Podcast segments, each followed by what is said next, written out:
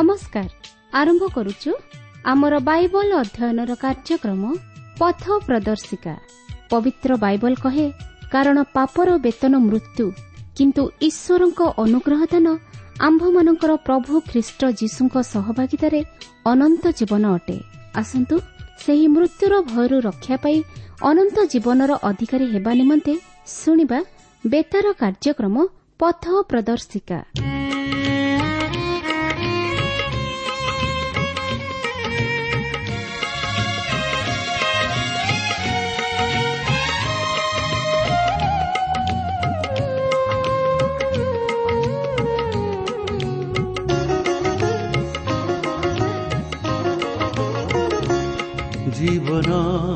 ସାଗର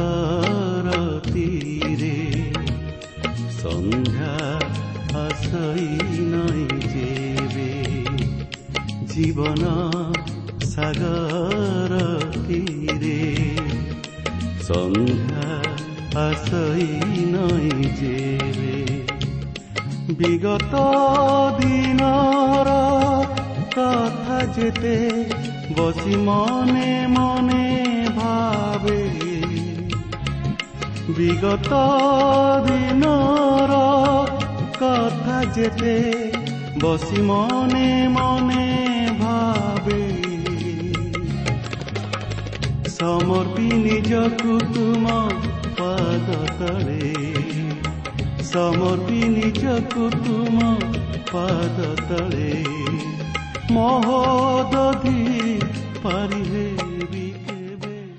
ପ୍ରିୟ ଶ୍ରୋତାବନ୍ଧୁ ଆଜିର ଏହି ଶୁଭ ଅବସରରେ ଆମମାନଙ୍କର ସୃଷ୍ଟିକର୍ତ୍ତା ତଥା ଉଦ୍ଧାରକର୍ତ୍ତା ପ୍ରଭୁ ଯୀଶୁଖ୍ରୀଷ୍ଟଙ୍କ ବହୁମୂଲ୍ୟ ନାମରେ ଶୁଭେଚ୍ଛା ଜଣାଇ ଆଜିର ଏହି ପଥପ୍ରଦର୍ଶିକା କାର୍ଯ୍ୟକ୍ରମରେ ଅଂଶ ହେବା ନିମନ୍ତେ ଆପଣଙ୍କୁ ସ୍ୱାଗତ କରେ ଆପଣଙ୍କର ସହଯୋଗ ତଥା ମତାମତ ନିମନ୍ତେ ବିଶେଷ ଧନ୍ୟବାଦ। ଆପଣ ପ୍ରଭୁ ଯୀଶୁଙ୍କ ବିଷୟରେ ଅଧିକ ଜାଣିବା ନିମନ୍ତେ ଆଗ୍ରହୀ ଥିବାରୁ ଆମେ ମଧ୍ୟ ବିଶେଷ ଖୁସି ଆପଣଙ୍କ ନିମନ୍ତେ ପ୍ରାର୍ଥନା କରୁଅଛୁ। ଆଉ ଯଦି ଆପଣଙ୍କର ପ୍ରାର୍ଥନାର କୌଣସି ବିଷୟ ଥାଏ କିମ୍ବା ଆପଣଙ୍କର ଜୀବନର ଯଦି କିଛି ସାକ୍ଷ୍ୟ ଥାଏ ତାହେଲେ ତାହା ଲେଖି ଜଣାଇଲେ ଆମେ ଆପଣଙ୍କ ନିମନ୍ତେ ପ୍ରାର୍ଥନା କରିପାରିବୁ। ଆପଣ ଏହି କାର୍ଯ୍ୟକ୍ରମ ନିୟମିତ ଶୁଣନ୍ତୁ ଓ ଅନ୍ୟମାନଙ୍କୁ ଶୁଣାଇବାରେ ସାହାଯ୍ୟ କରନ୍ତୁ। ଏବଂ ସେମାନଙ୍କୁ ଆମ ସହ ପତ୍ର ମାଧ୍ୟମରେ ଯୋଗାଯୋଗ କରିବା ନିମନ୍ତେ ଉତ୍ସାହିତ କରନ୍ତୁ। ଆସନ୍ତୁ ପ୍ରଭୁଙ୍କର ବାକ୍ୟ ମଧ୍ୟକୁ ଯିବା ପୂର୍ବରୁ ସଂକ୍ଷେପରେ ପ୍ରାର୍ଥନା କରିବା। ପ୍ରିୟ ପବିତ୍ର ପ୍ରଭୁ ତୁମର ପବିତ୍ର ନାମର ଧନ୍ୟବାଦ କରୁଅଛି ସୁନ୍ଦର ସମୟ ପାଇଁ ତୁମର ଜୀବନ୍ତ ବାକ୍ୟ ପାଇଁ। ପ୍ରଭୁ ଏହି ସୁଯୋଗରେ ଯେପରି ଆମମାନେ ତୁମର ସ୍ୱର ଶୁଣିବୁ ତୁମର ବାକ୍ୟ ବିଷୟରେ ଯେପରି ମନୋଯୋଗୀ ହେବ ଏହି ପ୍ରକାର ହୃଦୟ ତୁମେ ଆମ ପ୍ରତ୍ୟେକଙ୍କୁ ଦାନ କର। ପ୍ରଭୁ ଆମମାନଙ୍କୁ ଏକ ସରଳ ବିଶ୍ୱାସର ହୃଦୟ ଦିଅ। ଆମମାନଙ୍କ ଜୀବନ ମଧ୍ୟରୁ ସମସ୍ତ ପ୍ରକାର ଅବିଶ୍ୱାସ ସନ୍ଦେହ ତୁମେ ଦୂର କରିଦିଅ। ତୁମର ପବିତ୍ର ଉପସ୍ଥିତି ଆମମାନଙ୍କୁ ଉପଲବ୍ଧି କରିବା ପାଇଁ ଦିଅ। ତୁମର ବାକ୍ୟ ମଧ୍ୟ ଦେଇ ଆମମାନଙ୍କ ସହିତ କଥା କୁହ। ପ୍ରତ୍ୟେକ ଶ୍ରୋତାବନ୍ଧୁମାନଙ୍କୁ ତୁମେ ଆଶୀର୍ବାଦ କର। ପ୍ରତ୍ୟେକ ଜୀବନରେ ତୁମର ଇଚ୍ଛା ଓ ଅଭିମତ ପ୍ରଭୁ ତୁମେ ସଫଳ କର। ଏହି ସମସ୍ତ ପ୍ରାର୍ଥନା ଆମମାନଙ୍କୁ ଉଦ୍ଧାରକର୍ତ୍ତା ଜୀବିତ ପୁନରୁଦ୍ଧିତ ପ୍ରିୟ ପ୍ରଭୁ ଯୀଶୁଙ୍କ ନାମରେ ଅଳ୍ପ ଭିକ୍ଷା ମାଗୁଅଛୁ।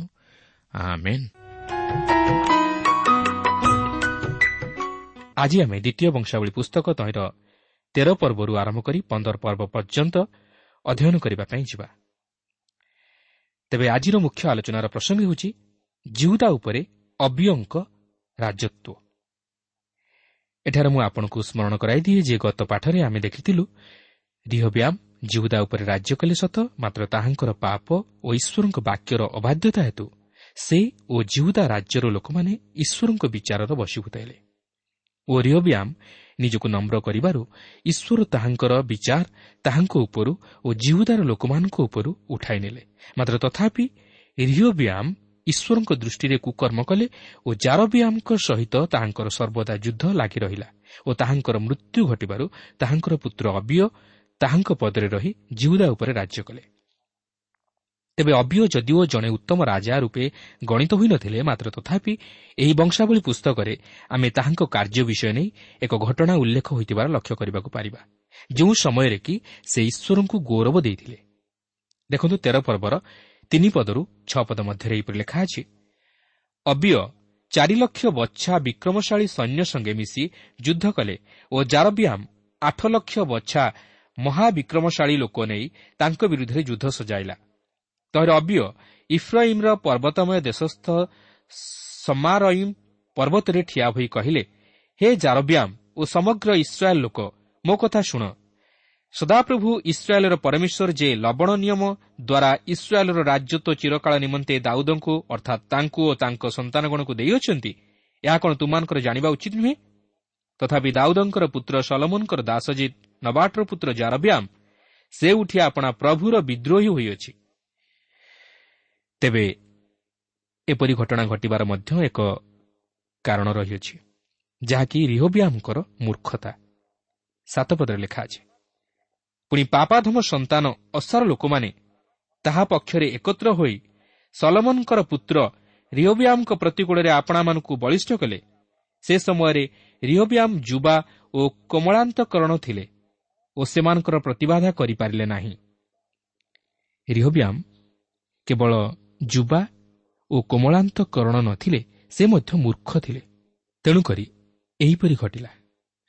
ତେବେ ଅବିୟଙ୍କର ଏହା ଏକ କୌଶଳ ଥିଲା ଯେପରି ସେ ସେହି ଇସ୍ରାଏଲ୍ର ଦଶଗୋଷ୍ଠୀକୁ ଫେରାଇ ଆଣିପାରନ୍ତି ତାହାଙ୍କ ରାଜ୍ୟ ମଧ୍ୟକୁ।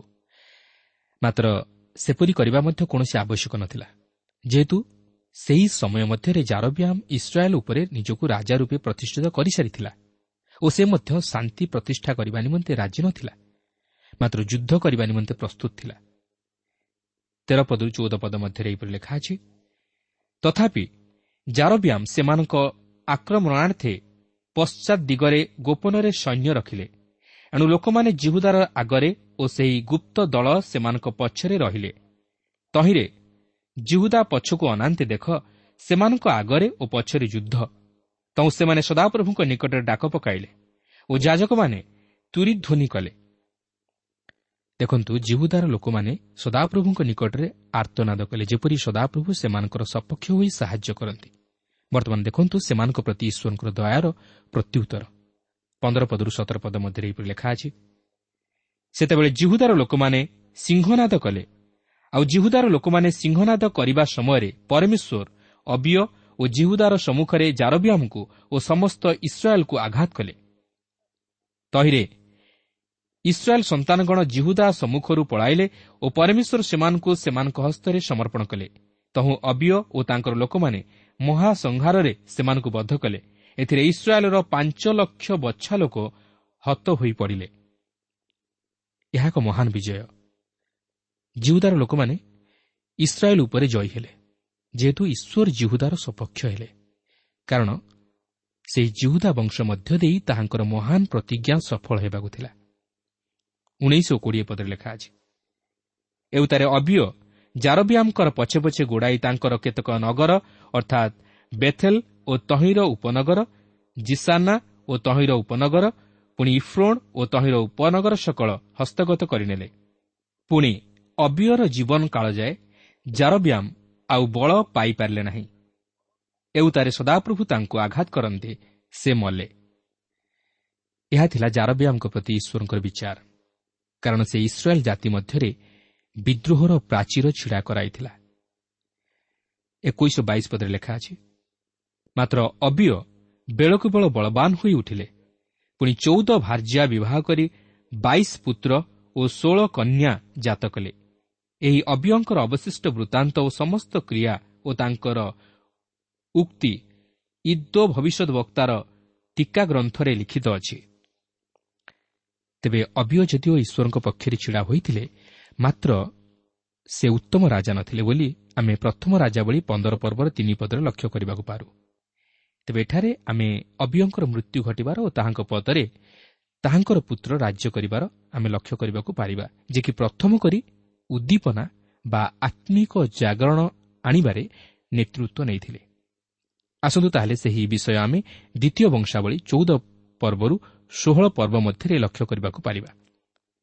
ତେବେ ଏହି ଚଉଦ ପର୍ବରୁ ଷୋହଳ ପର୍ବ ମଧ୍ୟରେ ଆମେ ଜିହୁଦାର ରାଜା ଆଶାଙ୍କର ଉଦ୍ଦୀପନାମୂଳକ କାର୍ଯ୍ୟକୁ ଲକ୍ଷ୍ୟ କରିବା। ଏହି ଆଶା ଅବିୟଙ୍କର ପୁତ୍ର ଥିଲେ। ଆଶା ସେହି ପାଞ୍ଚ ଜଣ ରାଜାଙ୍କ ମଧ୍ୟରୁ ଜଣେ ଥିଲେ ଯାହାଙ୍କୁ ଈଶ୍ୱର ଦକ୍ଷିଣ ରାଜ୍ୟରେ ଉଦ୍ଦୀପନା ଆଣିବା ନିମନ୍ତେ ବ୍ୟବହାର କରିଥିଲେ। କିନ୍ତୁ ଉତ୍ତର ରାଜ୍ୟରେ କେବେ ହେଲେ ଉଦ୍ଦୀପନା ଆସିନଥିଲା ଉତ୍ତର ରାଜ୍ୟରେ ଉଣେଇଶ ଜଣ ରାଜା ଥିଲେ ଓ ସମସ୍ତେ ଦୁଷ୍ଟ ରାଜା ଥିଲେ। ସେମାନଙ୍କ ମଧ୍ୟରୁ କେହି ଜଣେ ହେଲେ ଉତ୍ତମ ରାଜା ନଥିଲେ। କିନ୍ତୁ ଜିହୁଦାର କୋଡ଼ିଏ ଜଣ ରାଜାଙ୍କ ମଧ୍ୟରୁ ଦଶ ଜଣଙ୍କୁ ଉତ୍ତମ ରାଜା ବୋଲି କୁହାଯାଇପାରେ ଓ ସେମାନଙ୍କ ମଧ୍ୟରୁ ପାଞ୍ଚ ଜଣ ଅତି ଉତ୍ତମ ରାଜା ଥିଲେ। ଆଉ ସେମାନେ ହେଲେ ଆଶା ଜିଓସାଫଟ ଜୟାସ ହିଜକିୟ ଓ ଯୋଶିୟ ଆଉ ସେମାନଙ୍କର ରାଜତ୍ୱ ସମୟରେ ଏକ ଆତ୍ମିକ ଜାଗରଣ ତଥା ପୂର୍ଣ୍ଣ ସଂସ୍କାର ଘଟିଥିଲା ଯାହାକି ସେହି ଉଦ୍ଦୀପନା ଆସିବା ସମୟରେ ସଂଘଟିତ ହୋଇଥିଲା। ସମସ୍ତ ରାଜାମାନଙ୍କ ମଧ୍ୟରେ ଏକ ସାମଞ୍ଜସ୍ୟତା ପରିଲକ୍ଷିତ ହେଉଥିଲା। ମାତ୍ର ତଥାପି ସେମାନଙ୍କ ମଧ୍ୟରେ ଏକ ଚମତ୍କାର ଭିନ୍ନତା ପରିଲକ୍ଷିତ ହେଉଥିଲା। ଦେଖନ୍ତୁ ଚଉଦ ପର୍ବର ପ୍ରଥମ ପଦରେ ଲେଖା ଅଛି ଏଥିଉତ୍ତାରେ ଅବିୟ ଆପଣା ପିତୃଲୋକଙ୍କ ସହିତ ଶୟନ କରନ୍ତେ ଲୋକମାନେ ଦାଉଦ ନଗରରେ ତାଙ୍କୁ କବର ଦେଲେ ଆଉ ତାଙ୍କର ପୁତ୍ର ଆଶା ତାଙ୍କ ପଦରେ ରାଜ୍ୟ କଲେ। ଏହାଙ୍କ ଅଧିକାର ସମୟରେ ଦେଶ ଦଶ ବର୍ଷ ସୁସ୍ଥିର ରହିଲା। ଯେଉଁ ରାଜାମାନଙ୍କ ସମୟରେ ରାଜ୍ୟରେ ଆତ୍ମିକ ଜାଗରଣ ଦେଖାଦେଇଥିଲା ସେମାନଙ୍କ ମଧ୍ୟରୁ ଆଶା ହେଉଛନ୍ତି ପ୍ରଥମ ରାଜା। ଏହି ଆଶାଙ୍କର ଶାନ୍ତ ବାପାଙ୍କର ବାପା ଥିଲେ ସଲୋମନ। ଶାନ୍ତ ବାପା ଥିଲେ ରିହୋବିଆମ ଓ ପିତା ଥିଲେ ଅବିୟ। ଏହି ଆଶାଙ୍କର ଅଧିକାର ସମୟରେ ଦେଶ ଦଶ ବର୍ଷ ପାଇଁ ଶାନ୍ତି ଭୋଗ କଲା। ଦୁଇ ପଦରୁ ଚାରିପଦ ମଧ୍ୟରେ ଲେଖା ଅଛି ପୁଣି ଆଶା ସଦାପ୍ରଭୁ ଆପଣା ପରମେଶ୍ୱରଙ୍କ ଦୃଷ୍ଟିରେ ଉତ୍ତମ ଓ ଯଥାର୍ଥ କର୍ମ କଲେ। କାରଣ ସେ ଅନ୍ୟ ଦେବଗଣର ଯଜ୍ଞବେଦୀ ଓ ଉଚ୍ଚସ୍ଥଳୀ ସକଳ ଦୂର କଲେ ଓ ସ୍ତମ୍ଭ ସକଳ ଭାଙ୍ଗି ପକାଇଲେ ଓ ଆଶାରା ମୂର୍ତ୍ତି ସକଳ ଛେଦନ କଲେ। ଆଉ ସେ ଜୁହୁଦାର ଲୋକମାନଙ୍କୁ ସେମାନଙ୍କ ପିତୃଗଣର ପରମେଶ୍ୱର ସଦାପ୍ରଭୁଙ୍କର ଅନ୍ୱେଷଣ କରିବାକୁ ପୁଣି ବ୍ୟବସ୍ଥା ଓ ଆଜ୍ଞା ପ୍ରତିପାଳନ କରିବାକୁ ଆଦେଶ ଦେଲେ। ଏଠାରେ ଆମେ ପ୍ରକୃତରେ ଆଶାଙ୍କର ଉତ୍ତମ ପଦକ୍ଷେପ ନେବାର ଲକ୍ଷ୍ୟ କରୁଅଛୁ ଯାହାକି ଈଶ୍ୱରଙ୍କ ସପକ୍ଷ ଥିଲା। ବାସ୍ତବରେ ସେ ଜଣେ ଚମତ୍କାର ରାଜା ଥିଲେ। ପାଞ୍ଚ ପଦରୁ ଛଅ ପଦ ମଧ୍ୟରେ ଲେଖା ଅଛି ଆହୁରି ସେ ଜିହୁଦାର ସମସ୍ତ ନଗରରୁ ଉଚ୍ଚସ୍ଥଳୀ ଓ ସୂର୍ଯ୍ୟ ପ୍ରତିମା ସବୁ ଦୂର କଲେ ଓ ତାଙ୍କ ସମ୍ମୁଖରେ ରାଜ୍ୟ ସୁସ୍ଥିର ହେଲା। ପୁଣି ସେ ଜିହୁଦା ଦେଶରେ କେତେକ ପ୍ରାଚୀର ବେଷ୍ଟିତ ନଗର ନିର୍ମାଣ କଲେ କାରଣ ସେହି କେତେକ ବର୍ଷ ଦେଶ ସୁସ୍ଥିର ଥିଲା ଓ ତାଙ୍କୁ ଯୁଦ୍ଧ କରିବାକୁ ନୋହିଲା ଯେହେତୁ ସଦାପ୍ରଭୁ ତାଙ୍କୁ ବିଶ୍ରାମ ଦେଇଥିଲେ। ସେ ମଧ୍ୟ ଜଣେ ଶାନ୍ତିକାରକ ଥିଲେ। କିନ୍ତୁ ସେ ଯାଉନା କାହିଁକି? ଆମେ ଦେଖୁ ଯେ ଇଥିଓପିଆ ତାହାଙ୍କ ବିରୁଦ୍ଧରେ ଯୁଦ୍ଧ ସଜାଇଲା। ନଅ ଦଶ ପଦରେ ଲେଖା ଅଛି ଏଉତାରେ କୁଶ ଦେଶୀୟ ସେରହ ଦଶ ଲକ୍ଷ ସୈନ୍ୟ ଓ ତିନିଶହ ରଥ ନେଇ ସେମାନଙ୍କ ବିରୁଦ୍ଧରେ ବାହାର ହୋଇ ଆସିଲା। ସେ ମୋରେସା ପର୍ଯ୍ୟନ୍ତ ଆସିଲା। ସେତେବେଳେ ଆଶା ତାହାକୁ ଭେଟିବାକୁ ଯାଆନ୍ତେ। ସେମାନେ ମାରେସା ନିକଟସ୍ଥ ସଫାଥା ଉପତ୍ୟକାରେ ଯୁଦ୍ଧ ସଜାଇଲେ। ଆମେ ଦେଖୁ ଯେ ଆଶା କେବଳ ଶାନ୍ତିକାରକ ନଥିଲେ ମାତ୍ର ସେ ମଧ୍ୟ ଜଣେ ପ୍ରାର୍ଥନାଶୀଳ ବ୍ୟକ୍ତି ଥିଲେ। ଏଗାର ବାର ପଦରେ ଲେଖା ଅଛି ଏଥିରେ ଆଶା ସଦାପ୍ରଭୁ ଆପଣା ପରମେଶ୍ୱରଙ୍କ ନିକଟରେ ଡାକ ପକାଇ କହିଲେ ସଦାପ୍ରଭୁ ବଳବାନ ଓ ବଳହୀନ ଲୋକ ମଧ୍ୟରେ ସାହାଯ୍ୟ କରିବାକୁ ତୁମ୍ଭ ବିନା ଆଉ କେହି ନାହାନ୍ତି। ହେ ସଦାପ୍ରଭୁ ଆମମାନଙ୍କ ପରମେଶ୍ୱର ଆମମାନଙ୍କର ସାହାଯ୍ୟ କର କାରଣ ଆମ୍ଭେମାନେ ତୁମ୍ଭ ଉପରେ ନିର୍ଭର କରୁଅଛୁ ଓ ତୁମ୍ଭ ନାମରେ ଏହି ଜନତା ପ୍ରତିକୂଳରେ ଆସିଅଛୁ। ହେ ସଦାପ୍ରଭୁ ତୁମେ ଆମମାନଙ୍କର ପରମେଶ୍ୱର ଅଟ ମନୁଷ୍ୟ ତୁମ୍ଭ ପ୍ରତିକୂଳରେ ଜୟଯୁକ୍ତ ନ ହେଉ ଏଥିରେ ସଦାପ୍ରଭୁ ଆଶା ସମ୍ମୁଖରେ ଓ ଜିହୁଦା ସମ୍ମୁଖରେ କୁଶୀୟମାନଙ୍କୁ ଆଘାତ କଲେ ତହୁ କୁଶୀୟମାନେ ପଳାୟନ କଲେ ଏହା ହେଉଛି ପ୍ରକୃତ ପ୍ରାର୍ଥନା ଯେପରି ପ୍ରାର୍ଥନା କରିବା ଆବଶ୍ୟକ ଆଶା ସେହିପରି ଭାବେ ପ୍ରାର୍ଥନା କଲେ ଓ ତାହାଙ୍କ ପ୍ରାର୍ଥନା ମଧ୍ୟ ଈଶ୍ୱର ଶୁଣିଲେ ଯଦ୍ୱାରା ଆଶା ଶତ୍ରୁ ଉପରେ ବିଜୟୀ ହେଲେ ତାଙ୍କ ରାଜ୍ୟରେ ଆତ୍ମିକ ଜାଗରଣ ଆସିଲା ଯେହେତୁ ସେ ଜଣେ ପ୍ରାର୍ଥନାଶୀଳ ବ୍ୟକ୍ତି ଥିଲେ। ପନ୍ଦର ପଦରେ ଲେଖା ଅଛି ମଧ୍ୟ ସେମାନେ ପଶୁପଲର ତମ୍ବୁ ସବୁ ଆଘାତ କଲେ ଆଉ ବିସ୍ତର ମେଷ ଓ ଉଷ୍ଟ୍ର ନେଇ ଜିରୁସାଲମକୁ ଫେରିଗଲେ। ବାସ୍ତବରେ ଈଶ୍ୱର ଆଶାଙ୍କୁ ଏକ ମହାନ ସାମରିକ ବିଜୟ ପ୍ରଦାନ କଲେ। ପ୍ରାର୍ଥନାର ଶକ୍ତି ମଧ୍ୟ ରହିଅଛି। ପ୍ରାର୍ଥନା ଦ୍ୱାରା ଅସାଧ୍ୟ ବିଷୟ ସାଧନ ହୋଇଥାଏ ଓ ଅସମ୍ଭବ ବିଷୟ ସମ୍ଭବ ହୋଇଥାଏ କିନ୍ତୁ ଆମମାନଙ୍କର ସେହିପରି ବିଶ୍ୱାସଯୁକ୍ତ ପ୍ରାର୍ଥନା ହେବା ଆବଶ୍ୟକ ଓ ଈଶ୍ୱରଙ୍କ ଇଚ୍ଛା ଅନୁମୋଦିତ ହେବା ଆବଶ୍ୟକ। ଆସନ୍ତୁ ଏହାପରେ ଅସରୀୟ ଭବିଷ୍ୟତ ବକ୍ତାଙ୍କ ଉତ୍ସାହଜନକ ବାକ୍ୟ ପ୍ରତି ଟିକେ ଦୃଷ୍ଟି ଦେବା।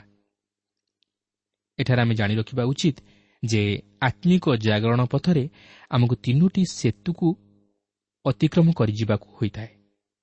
ତନ୍ମଧ୍ୟରୁ ପ୍ରଥମଟି ହେଉଛି ଈଶ୍ୱରଙ୍କ ବାକ୍ୟର ଜ୍ଞାନ। ଦେଖନ୍ତୁ ପନ୍ଦର ପର୍ବର ପ୍ରଥମ ତିନି ପଦରେ ଏହିପରି ଲେଖା ଅଛି। ଅନନ୍ତର ପରମେଶ୍ୱରଙ୍କ ଆତ୍ମା ଓ ଓବେଦର ପୁତ୍ର ଅସରୀୟ ଉପରେ ଅଧିଷ୍ଠାନ କଲେ।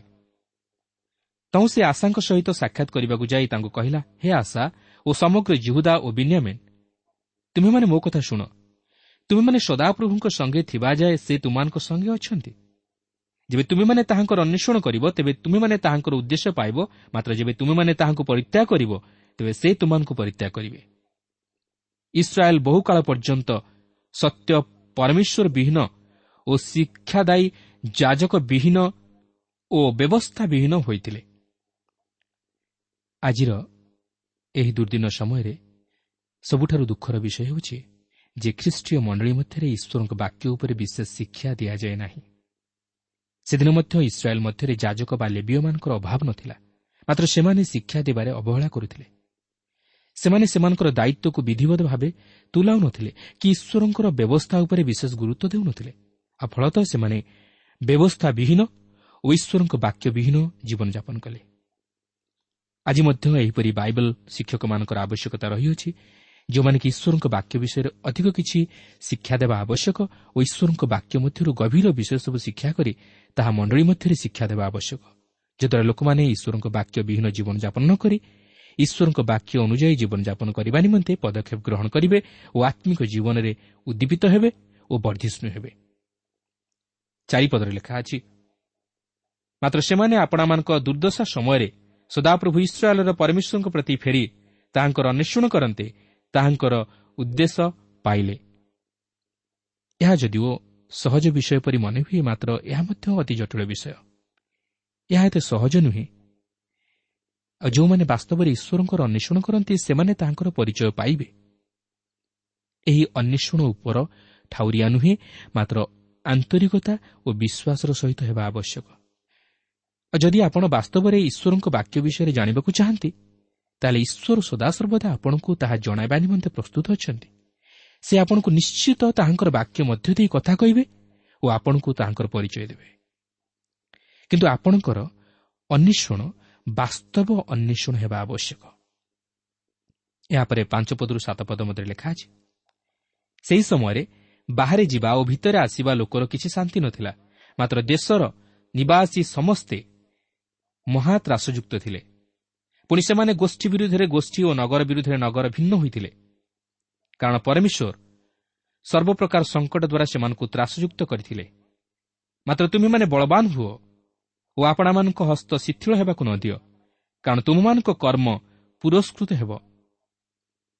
ଆଶା ବର୍ତ୍ତମାନ ଈଶ୍ୱରଙ୍କ ଆଡ଼କୁ ଫେରିବା ନିମନ୍ତେ ଆରମ୍ଭ କରୁଅଛନ୍ତି। ଏହି ଅସରୀୟ ଭବିଷ୍ୟତ ବକ୍ତା ତାହାଙ୍କୁ ଉତ୍ସାହ ଦିଅନ୍ତି ଓ କାହିଁକି ସେମାନଙ୍କର ସମସ୍ୟା ଓ ଜଟିଳ ପରିସ୍ଥିତି ରହିଥିଲା ତାହା ମଧ୍ୟ ସେ ତାହାଙ୍କୁ ବୁଝାଇ ଦିଅନ୍ତି। ବର୍ତ୍ତମାନ ମୁଁ ଦୃଢ଼ ଭାବେ କହିପାରେ ଯେ ଏହି ଭାବବାଦୀଙ୍କର ସମ୍ବାଦ କେବଳ ଜିହୁଦା ଲୋକମାନଙ୍କ ନିମନ୍ତେ ନୁହେଁ ମାତ୍ର ଆଜି ଆମମାନଙ୍କ ନିମନ୍ତେ ମଧ୍ୟ ପ୍ରଯୁଜ୍ୟ। ଯେହେତୁ ଆମେ ପ୍ରତ୍ୟେକ ଈଶ୍ୱରଙ୍କୁ ଚାହୁଁ। ଆମେ ପ୍ରତ୍ୟେକ ଈଶ୍ୱରଙ୍କର ସାହାଯ୍ୟ ତଥା ଅନୁଗ୍ରହ ଓ ଆଶୀର୍ବାଦକୁ ଆଶା କରୁ ଓ ଆମେ ପ୍ରତ୍ୟେକ ଆଜି ମଧ୍ୟ ଈଶ୍ୱରଙ୍କର ଅନ୍ୱେଷଣ କରୁ। ଯେହେତୁ ଆମ ପ୍ରତ୍ୟେକଙ୍କର କିଛି ନା କିଛି ସମସ୍ୟା ରହିଅଛି ଅଭାବ ରହିଅଛି ଓ ଜଟିଳ ପରିସ୍ଥିତି ମଧ୍ୟ ରହିଅଛି। କିନ୍ତୁ ଆମେ ଯଦି ବାସ୍ତବରେ ସେହି ସତ୍ୟ ତଥା ଜୀବନ୍ତ ଈଶ୍ୱରଙ୍କର ଅନ୍ୱେଷଣ କରିବା ତାହେଲେ ଆମେ ତାହାଙ୍କର ପରିଚୟ ପ୍ରାପ୍ତ ହେବା ଓ ନିଜର ସମସ୍ୟାରୁ ଉଦ୍ଧାର ପାଇପାରିବା। ଆଠ ଓ ନଅ ପଦରେ ଲେଖା ଅଛି ଏଥିରେ ଆଶା ଏହିସବୁ କଥା ଓ ଓବେଦ ଭବିଷ୍ୟତ ବକ୍ତାର ଭବିଷ୍ୟତ ବାକ୍ୟ ଶୁଣନ୍ତେ ସାହସ ପାଇଲେ।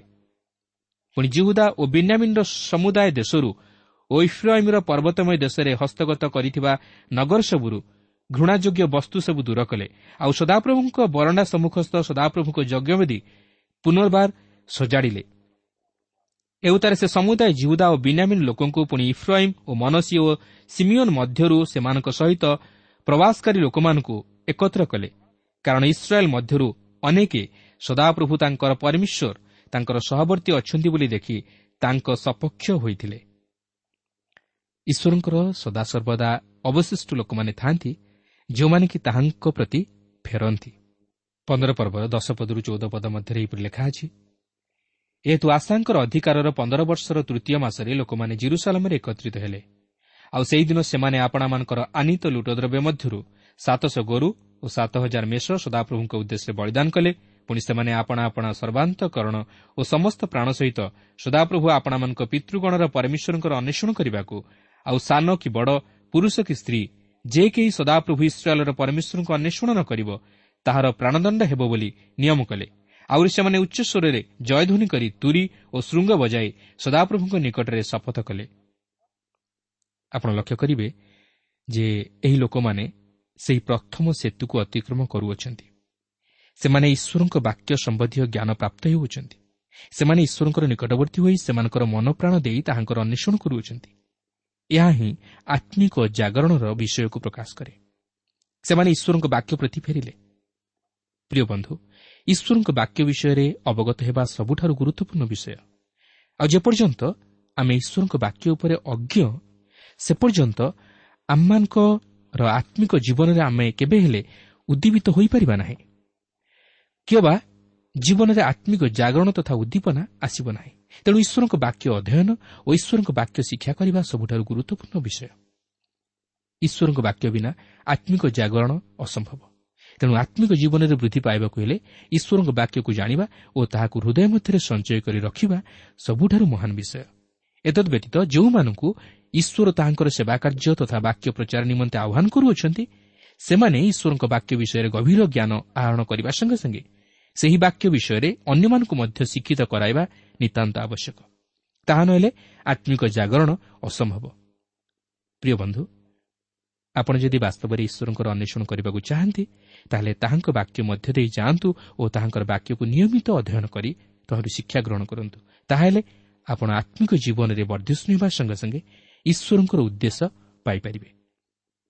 ବର୍ତ୍ତମାନ ଏହି ମହାସଭାରେ ଯାହାକି ଆଶା ରାଜା ଜିରୁସାଲାମରେ ଡକାଇଥିଲେ ସେହି ମହାସଭାରେ ସେମାନେ ଈଶ୍ୱରଙ୍କ ସହିତ ଏକ ନିୟମ କଲେ ଯେପରି ସେମାନେ ସେମାନଙ୍କର ସମସ୍ତ ଅନ୍ତଃକରଣର ସହିତ ତାହାଙ୍କର ଅନ୍ୱେଷଣ କରିବେ।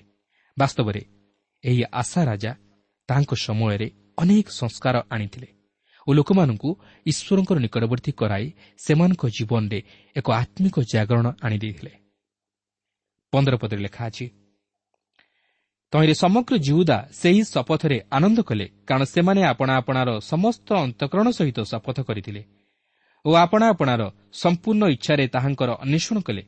ଏଣୁ ସେମାନେ ତାହାଙ୍କର ଉଦ୍ଦେଶ୍ୟ ପାଇଲେ ପୁଣି ସଦାପ୍ରଭୁ ସେମାନଙ୍କୁ ଚତୁର୍ଦିଗରେ ବିଶ୍ରାମ ଦେଲେ। ଈଶ୍ୱରଙ୍କର ଅନ୍ୱେଷଣ କଲେ ମନରେ ଶାନ୍ତି ଓ ବିଶ୍ରାମ ମିଳେ। ମୋର ପ୍ରିୟ ବନ୍ଧୁ ଯଦି ଆପଣ ସମସ୍ତ ଅନ୍ତଃକରଣ ସହିତ ତାହାଙ୍କର ଅନ୍ୱେଷଣ କରନ୍ତି ତାହେଲେ ଆପଣ ତାହାଙ୍କର ପରିଚୟ ପାଇବେ। ଓ ସେ ଆପଣଙ୍କୁ ତାହାଙ୍କର ପରିଚୟ ଦେବା ସଙ୍ଗେ ସଙ୍ଗେ ଆପଣଙ୍କୁ ବିଶ୍ରାମ ତଥା ଶାନ୍ତି ଓ ସାନ୍ତ୍ୱନା ମଧ୍ୟ ପ୍ରଦାନ କରିବେ। ତେବେ ଆମେ ଦେଖିଲୁ ଯେ ଆତ୍ମିକ ଜାଗରଣର ପଥରେ ପ୍ରଥମ ସେତୁଟି ହେଉଛି ଈଶ୍ୱରଙ୍କ ବାକ୍ୟ ଜାଣିବା ଓ ତହିଁରୁ ଶିକ୍ଷା ଗ୍ରହଣ କରିବା। ବର୍ତ୍ତମାନ ଆମେ ଦ୍ୱିତୀୟ ସେତୁଟିକୁ ଅତିକ୍ରମ କରିବାକୁ ଯିବା ଆଉ ତାହା ହେଉଛି ଧର୍ମଶାସ୍ତ୍ର ସମ୍ବନ୍ଧୀୟ ପୃଥକୀକରଣ। ଦେଖନ୍ତୁ ପନ୍ଦର ପର୍ବର ଷୋହଳ ପଦରେ ଲେଖା ଅଛି ମଧ୍ୟ ଆଶା ରାଜାଙ୍କର ମାତାମହୀ ମାଖା ଆଶେରା ଦେବୀ ରୂପେ ଏକ ଘୃଣାଯୋଗ୍ୟ ପ୍ରତିମା ନିର୍ମାଣ କରିଥିବାରୁ ସେ ତାହାକୁ ରାଣୀପଦରୁ ଚ୍ୟୁତ କଲେ ଓ ଆଶା ତାହାର ସେହି ପ୍ରତିମା ଛେଦନ କରି ଚୂର୍ଣ୍ଣ କଲେ ଓ କିଦ୍ରୋଣ ନଦୀ ନିକଟରେ ତାହା ପୋଡ଼ି ପକାଇଲେ। ଏହା ପ୍ରକୃତିରେ ଏକ କୌତୁହଳର ବିଷୟ। ତାହାଙ୍କର ନିଜ ମାତା ପ୍ରତିମା ପୂଜାରେ ଆସକ୍ତ ଥିଲେ। ଲକ୍ଷ୍ୟ କରନ୍ତୁ ସେହି ମାତା ପ୍ରତିମା ପୂଜକମାନଙ୍କର ସଙ୍ଗୀ ନଥିଲା ମାତ୍ର ସେ ନିଜେ ଜଣେ ପ୍ରତିମା ପୂଜକ ଥିଲା। ତେଣୁକରି ଏହି କାରଣରୁ ଆଶା ତାହାକୁ ରାଣୀ ପଦରୁ ଚ୍ୟୁତ କଲେ। କାରଣ ଆଶା ଈଶ୍ୱରଙ୍କ ନିମନ୍ତେ ନିଜକୁ ତଥା ନିଜର ଲୋକମାନଙ୍କୁ ପ୍ରତିମା ପୂଜକମାନଙ୍କଠାରୁ ସମ୍ପୂର୍ଣ୍ଣ ପୃଥକ ରଖିବାକୁ ଚାହିଁଥିଲେ। କାରଣ ଈଶ୍ୱର ପ୍ରତିମା ପୂଜାକୁ ଘୃଣା କରନ୍ତି। ଯେହେତୁ ସେ ସତ୍ୟ ତଥା ଜୀବନ୍ତ ଈଶ୍ୱର ଓ ସବୁର ସୃଷ୍ଟିକର୍ତ୍ତା। ସତରରୁ ଉଣେଇଶ ପଦରେ ଲେଖା ଅଛି ମାତ୍ର ଉଚ୍ଚସ୍ଥଳୀ ସକଳ ଇସ୍ରାଏଲ୍ ମଧ୍ୟରୁ ଦୂରୀକୃତ ନୋହିଲା। ତଥାପି ଆଶାଙ୍କର ଯାବଜୀବନ ତାଙ୍କର ଅନ୍ତଃକରଣ ସିଦ୍ଧ ଥିଲା। ଆଉ ସେ ଆପଣା ପିତାଙ୍କର ପ୍ରତିଷ୍ଠିତ ବସ୍ତୁ ସବୁ ଓ ନିଜର ପ୍ରତିଷ୍ଠିତ ରୂପା ଓ ସୁନା ଓ ପାତ୍ର ସବୁ ପରମେଶ୍ୱରଙ୍କ ଗୃହକୁ ଆଣିଲେ। ପୁଣି ଆଶାଙ୍କର ଅଧିକାରର ପଞ୍ଚତିରିଶ ବର୍ଷ ପର୍ଯ୍ୟନ୍ତ ଆଉ ଯୁଦ୍ଧ ନୋହିଲା।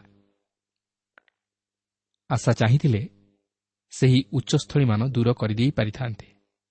ମାତ୍ର ସେ ତାହା କଲେ ନାହିଁ। ସେ ଈଶ୍ୱରଙ୍କ ସହିତ ଆଂଶିକ ଭାବେ ଗମନ କଲେ ମାତ୍ର ତଥାପି ଈଶ୍ୱର ତାହାଙ୍କୁ ବ୍ୟବହାର କଲେ ବାସ୍ତବରେ ଈଶ୍ୱର କେତେ ଦୟାବାନ ପ୍ରିୟ ବନ୍ଧୁ ବାସ୍ତବରେ ନିଜକୁ ପ୍ରଥମେ ପୃଥକୀକୃତ କରିବା ହେଉଛି ସବୁଠାରୁ ଗୁରୁତ୍ୱପୂର୍ଣ୍ଣ ବିଷୟ ଆମେ କେବଳ ଅନ୍ୟମାନଙ୍କ ଜୀବନକୁ ଦେଖି ସମାଲୋଚନା କରିବା ଉଚିତ ନୁହେଁ ମାତ୍ର ପ୍ରଥମେ ନିଜକୁ ଦେଖି ନିଜକୁ ସଂଶୋଧିତ କରିବା ଓ ନିଜେ ପୃଥକୀକୃତ ଜୀବନଯାପନ କରି ଅନ୍ୟମାନଙ୍କ ନିକଟରେ ଆଦର୍ଶ ହେବା ସବୁଠାରୁ ଗୁରୁତ୍ୱପୂର୍ଣ୍ଣ ବିଷୟ। ତାହେଲେ ତାହା ହେବ ପ୍ରକୃତ ପୃଥକୀକୃତ ଜୀବନ। ପ୍ରିୟ ବନ୍ଧୁ ଆଜି ଆପଣ ଈଶ୍ୱରଙ୍କୁ କେଉଁପରି ସ୍ତରରେ ରଖି ଗୌରବ ଦେଉଅଛନ୍ତି? ଯେପର୍ଯ୍ୟନ୍ତ ଆପଣ ଈଶ୍ୱରଙ୍କୁ ଜୀବନ୍ତ ଭାବେ ନିଜର ହୃଦୟରେ ସ୍ଥାନ ଦେଇ ତାହାଙ୍କୁ ଗୌରବ ଦେଇନାହାନ୍ତି ସେ ପର୍ଯ୍ୟନ୍ତ ଆପଣଙ୍କ ଜୀବନରେ ବାସ୍ତବ ଆତ୍ମିକ ଜାଗରଣ ଆସିବ ନାହିଁ। ଈଶ୍ୱର ହେଉଛନ୍ତି ଜୀବନ।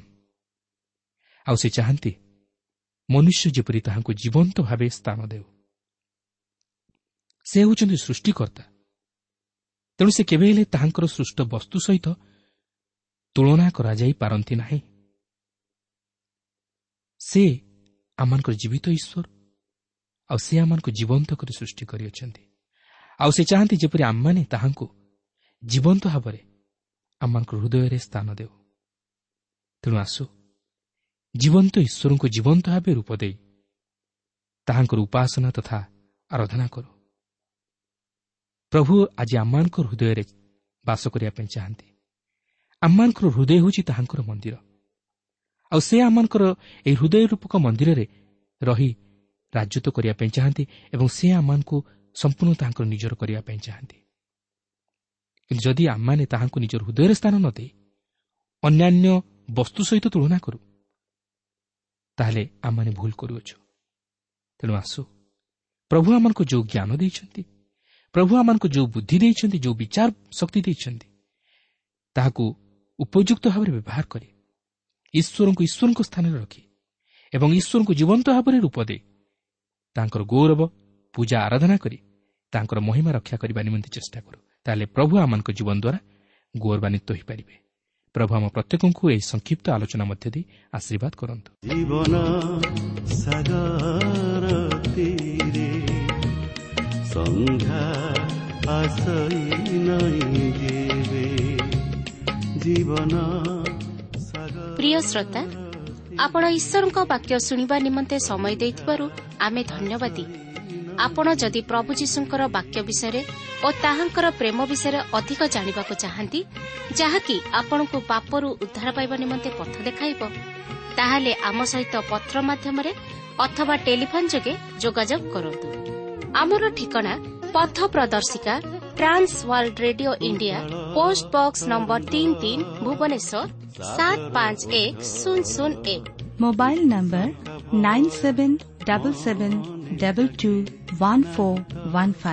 ଠିକଣାଟି ଆଉଥରେ ଶୁଣନ୍ତୁ। ପଥ ପ୍ରଦର୍ଶିକା Trans World radio India post box number three three Bhubaneswar seven five one zero zero one mobile number nine seven double seven double two one four one five আমার ইমেল আড্রেসটি লিখে রাখন্তু Odia TV at radio eight eight two dot com তেবে আজ পাই এঠারে রখুছু প্রভু যীশু আপনার আশীর্বাদ করন্তু নমস্কার সন্ধ্যা আসই নহি জীবন সাগর তীরে সন্ধ্যা